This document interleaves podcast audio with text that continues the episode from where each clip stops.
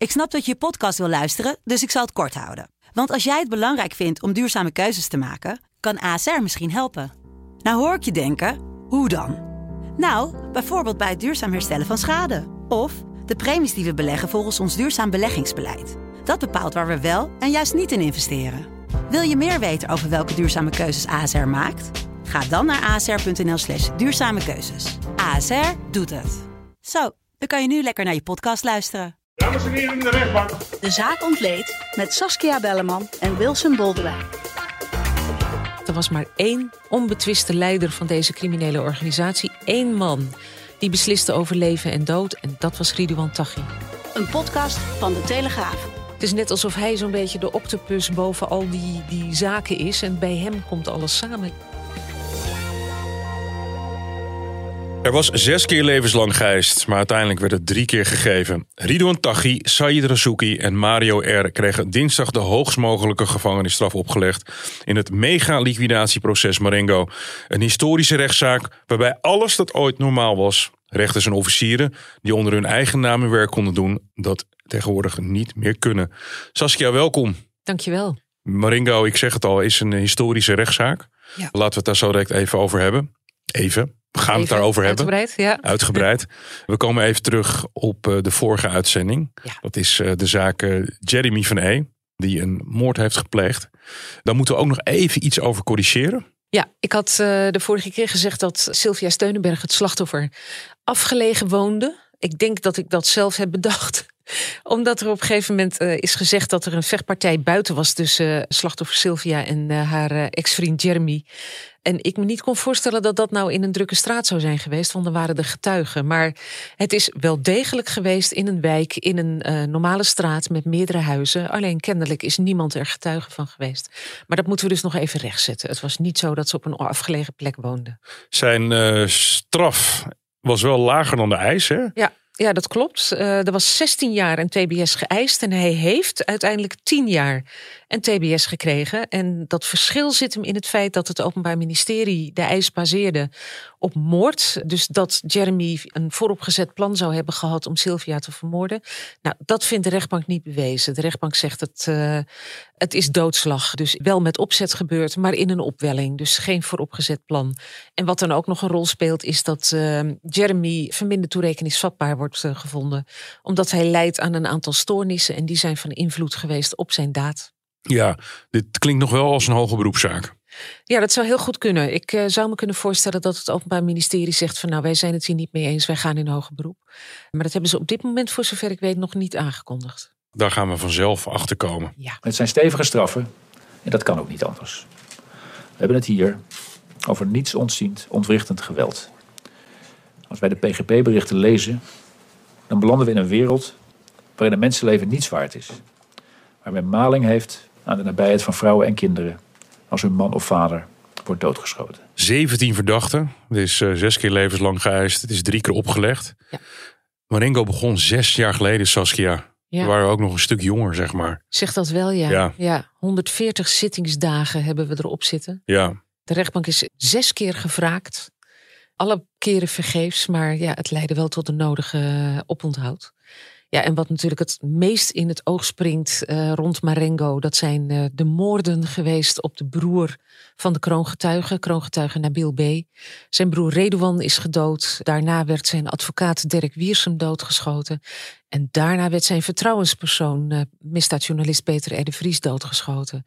Nou, daar stonden de verdachten van Marengo niet voor terecht. Maar, zei de rechtbank, die moorden hebben er wel een gitzwart randje aan gegeven. als we naar de oude penose, zoals we ze wel eens op een bepaalde manier romantisch eh, noemen. Die hadden eigenlijk zoiets van, joh, je kan beter niet officieren, rechters. Als je daar aan begint, Italiaanse toestanden, uiteindelijk heb je daar niks aan.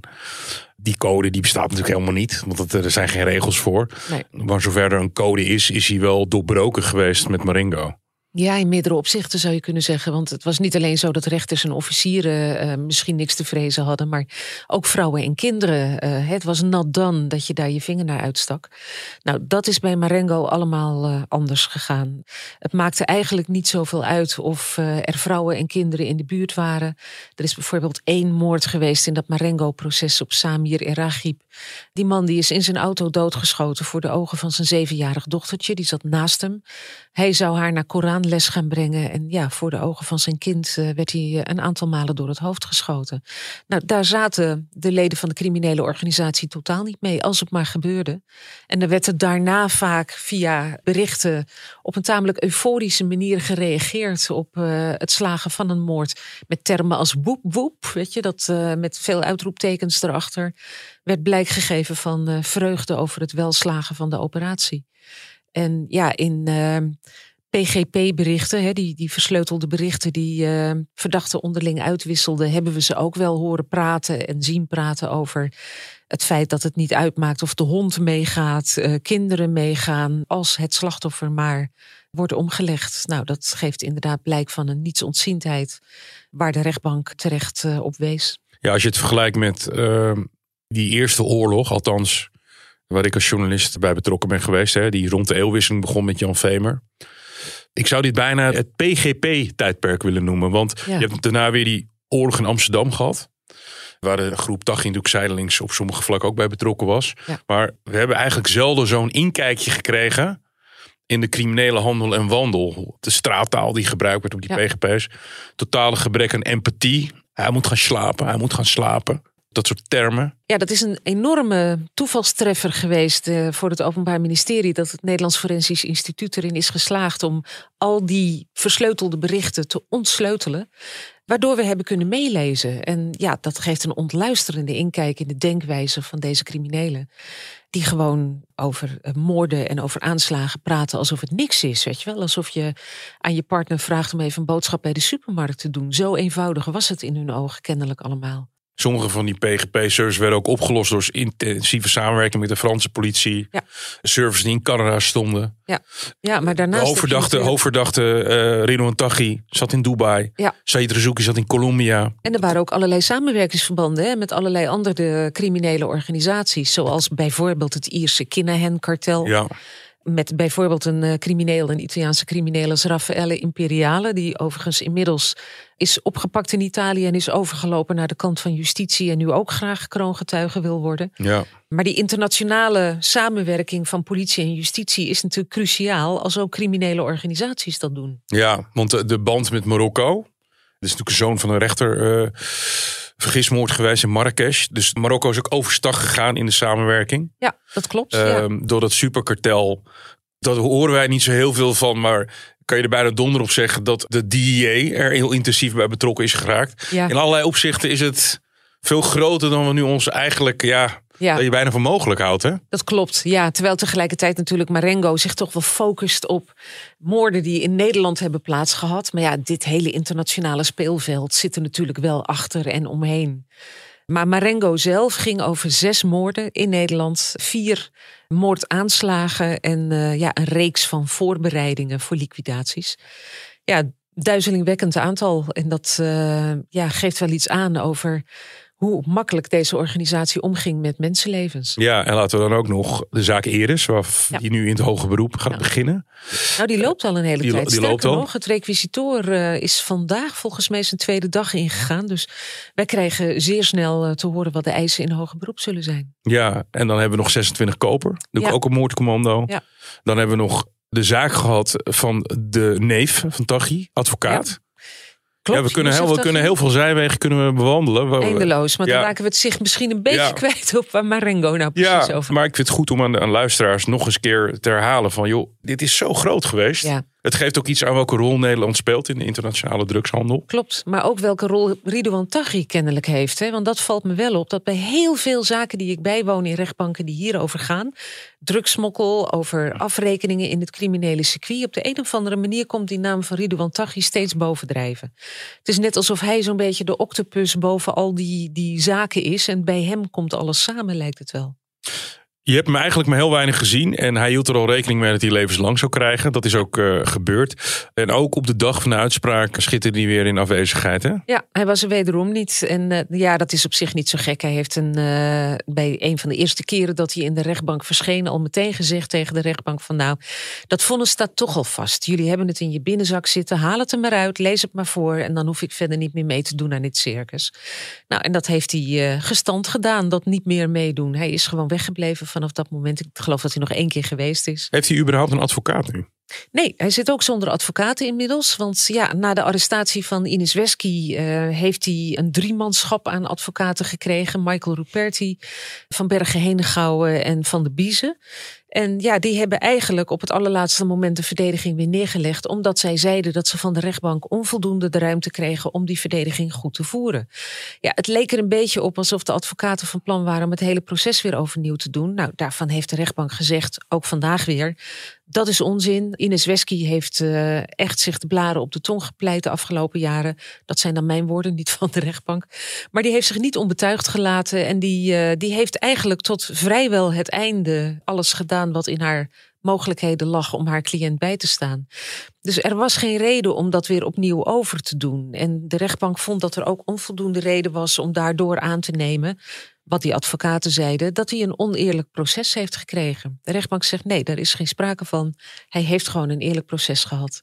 Overigens hebben deze drie advocaten die de verdediging hebben neergelegd, wel alweer laten weten namens Taghi op te zullen treden tijdens het hoge beroep. Dus dit was een beetje een stap voor de bühne. We hadden het net over Zijweg. Toen dacht ik opeens, je noemde de naam van Ines Wesky over zijwegen gesproken. Ook nog ja. een hele zaak op zichzelf. Maar goed. we op dit moment nog niks van weten. Nee. Iedere keer als je het Openbaar Ministerie belt om te vragen hoe staat het er eigenlijk voor, krijg je te horen, nou zodra we wat te melden hebben, hoor je het wel. En dat is het. Kijk, normaal is het zo dat als je vastzit, dan moet je om de drie maanden voor een rechter worden gebracht. Nou, zo'n zitting, zo'n proforma zitting, wordt dan meestal aangegrepen om uh, het Openbaar Ministerie ook even te laten vertellen wat de stand van het onderzoek is.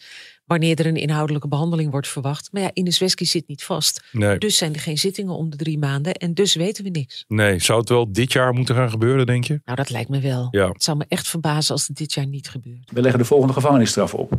Ridouan Taghi krijgt levenslang. Said krijgt levenslang.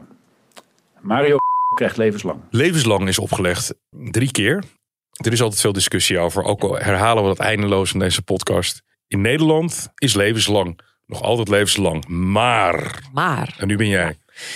Daar heeft het Europees Hof eindeloos tegen aangeschopt. Heeft gezegd van ja, Nederland, je bent een vreemde eend in de bijt. Dat waren we ook binnen Europa. Wij uh, waren het enige land waar levenslang ook daadwerkelijk levenslang was. Nou, het Europees Hof heeft altijd gezegd.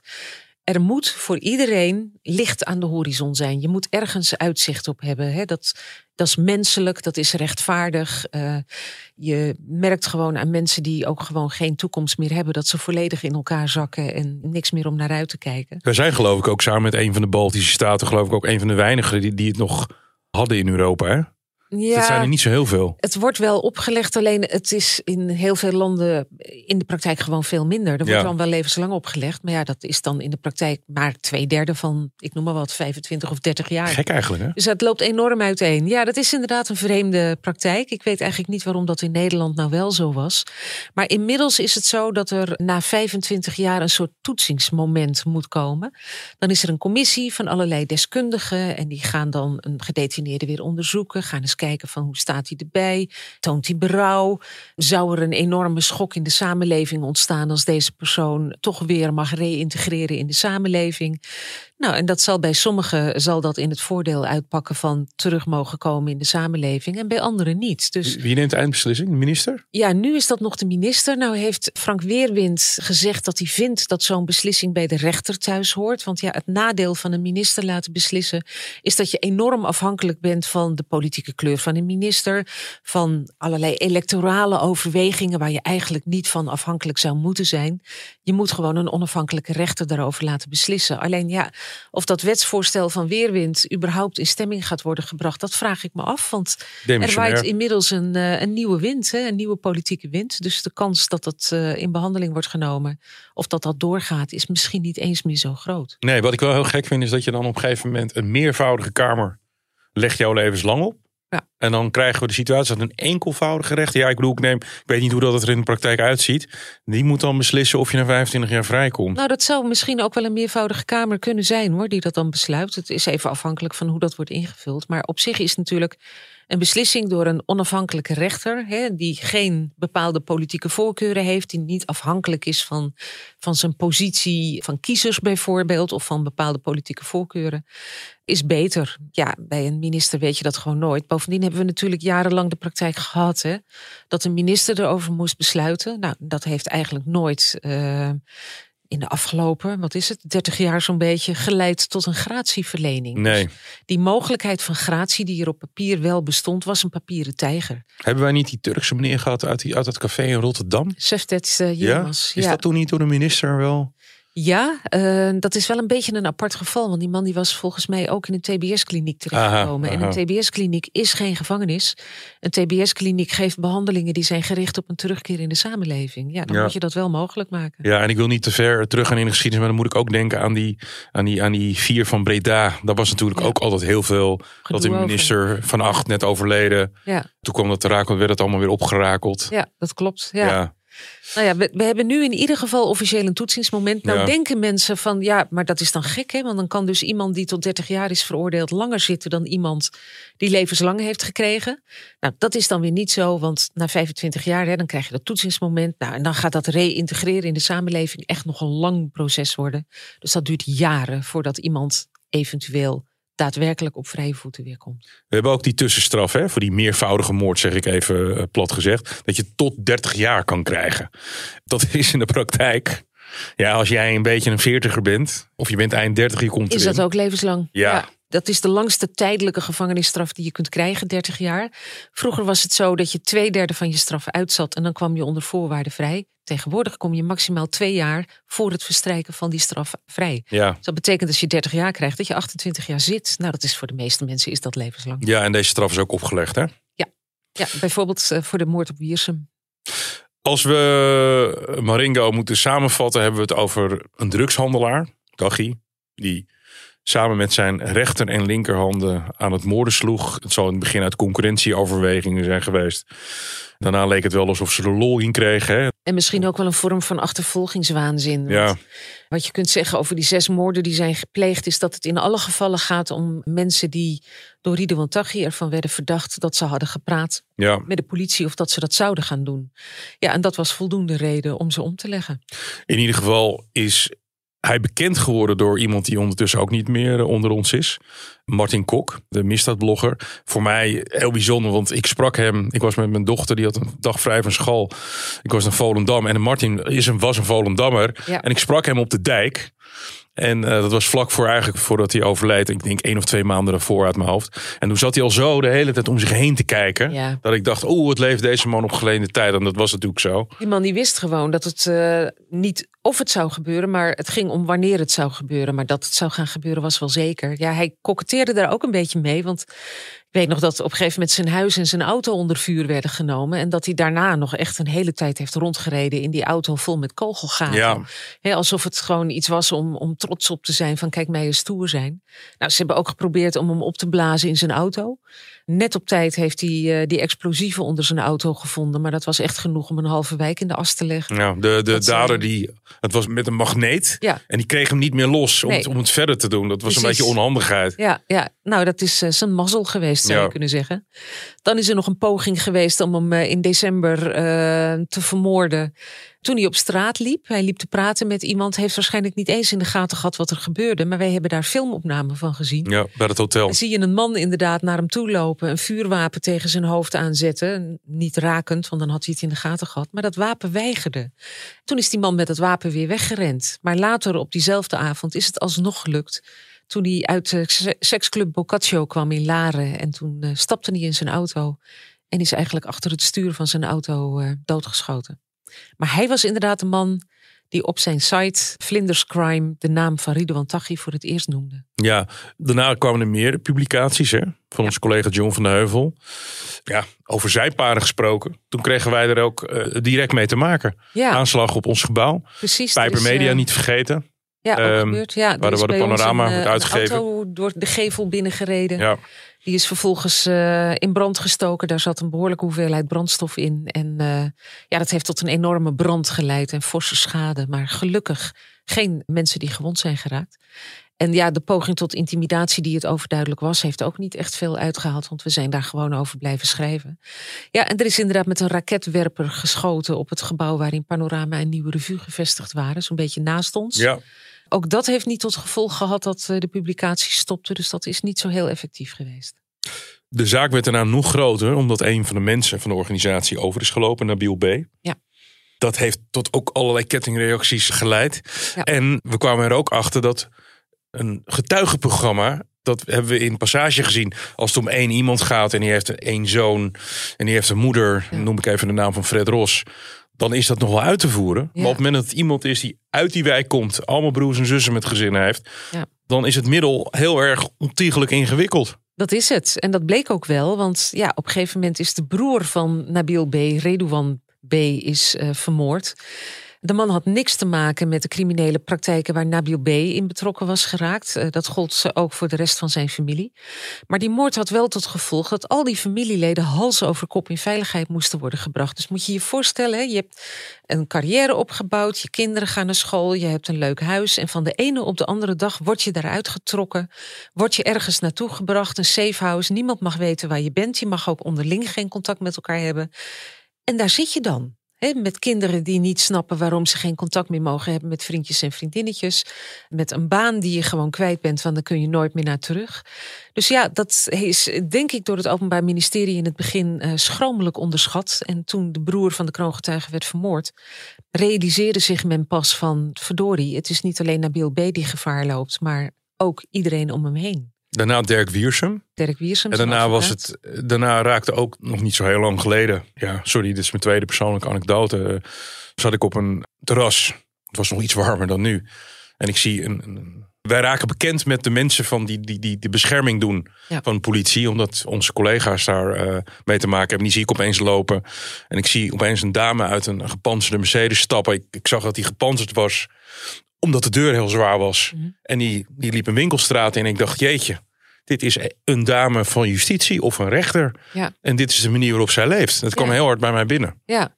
Nee, dat klopt. Als je naar een zitting gaat in die gerechtsbunker in Osdorp, ja, dan loop je een soort filmset op met drones en helikopters in de lucht, met overal eh, soldaten en politiemensen met automatische geweren in de aanslag. Die zijn allemaal gemaskerd, hebben helmen op. Eh, wij mogen als journalisten de namen van de officieren van justitie niet meer noemen. Hetzelfde geldt voor de rechters. We mogen ze niet herkenbaar tekenen. Ja, dat is ongekend en dat is eigenlijk begonnen met Marengo. Dat hadden we nog niet eerder zo meegemaakt, maar het is niet onterecht. Ja, er zitten heel veel mensen inmiddels in, eh, in een eh, beschermingsprogramma. Allemaal omdat men toch de lange arm van deze criminele organisatie vreest. Opnieuw een grote verandering ook voor ons hoe wij eh, er journalisten mee omgaan. Nabil B., zijn naam is natuurlijk al, al duizenden keren gevallen. Die heeft een straf van tien jaar gekregen. Ja. En dat was ook een soort van afspraak. Ja. Natuurlijk met van tevoren met de rechtercommissaris. Nou, als jij praat, dan leggen we je niet een zware straf op. Alleen je kan er nooit op rekenen. Hè? Nee. Het is een, een deal die je maakt met het Openbaar Ministerie, maar daar is de rechtbank niet aan gebonden. Aan de andere kant, dat zei de rechtbank vandaag ook, mede als gevolg van de getuigenverklaringen van Nabil B. zijn vijf moorden opgelost die anders niet opgelost zouden zijn. En ja, als je dan als rechtbank besluit om zo'n deal met het OM niet te honoreren, dan denken criminelen de volgende keer wel drie keer na voordat ze een kroongetuigendeal willen sluiten. En ja, het is één van twee kwaden. Het is natuurlijk een crimineel, dat is Nabil B. ook. Hij heeft ook vuile handen gemaakt. Hij is betrokken geweest bij moorden.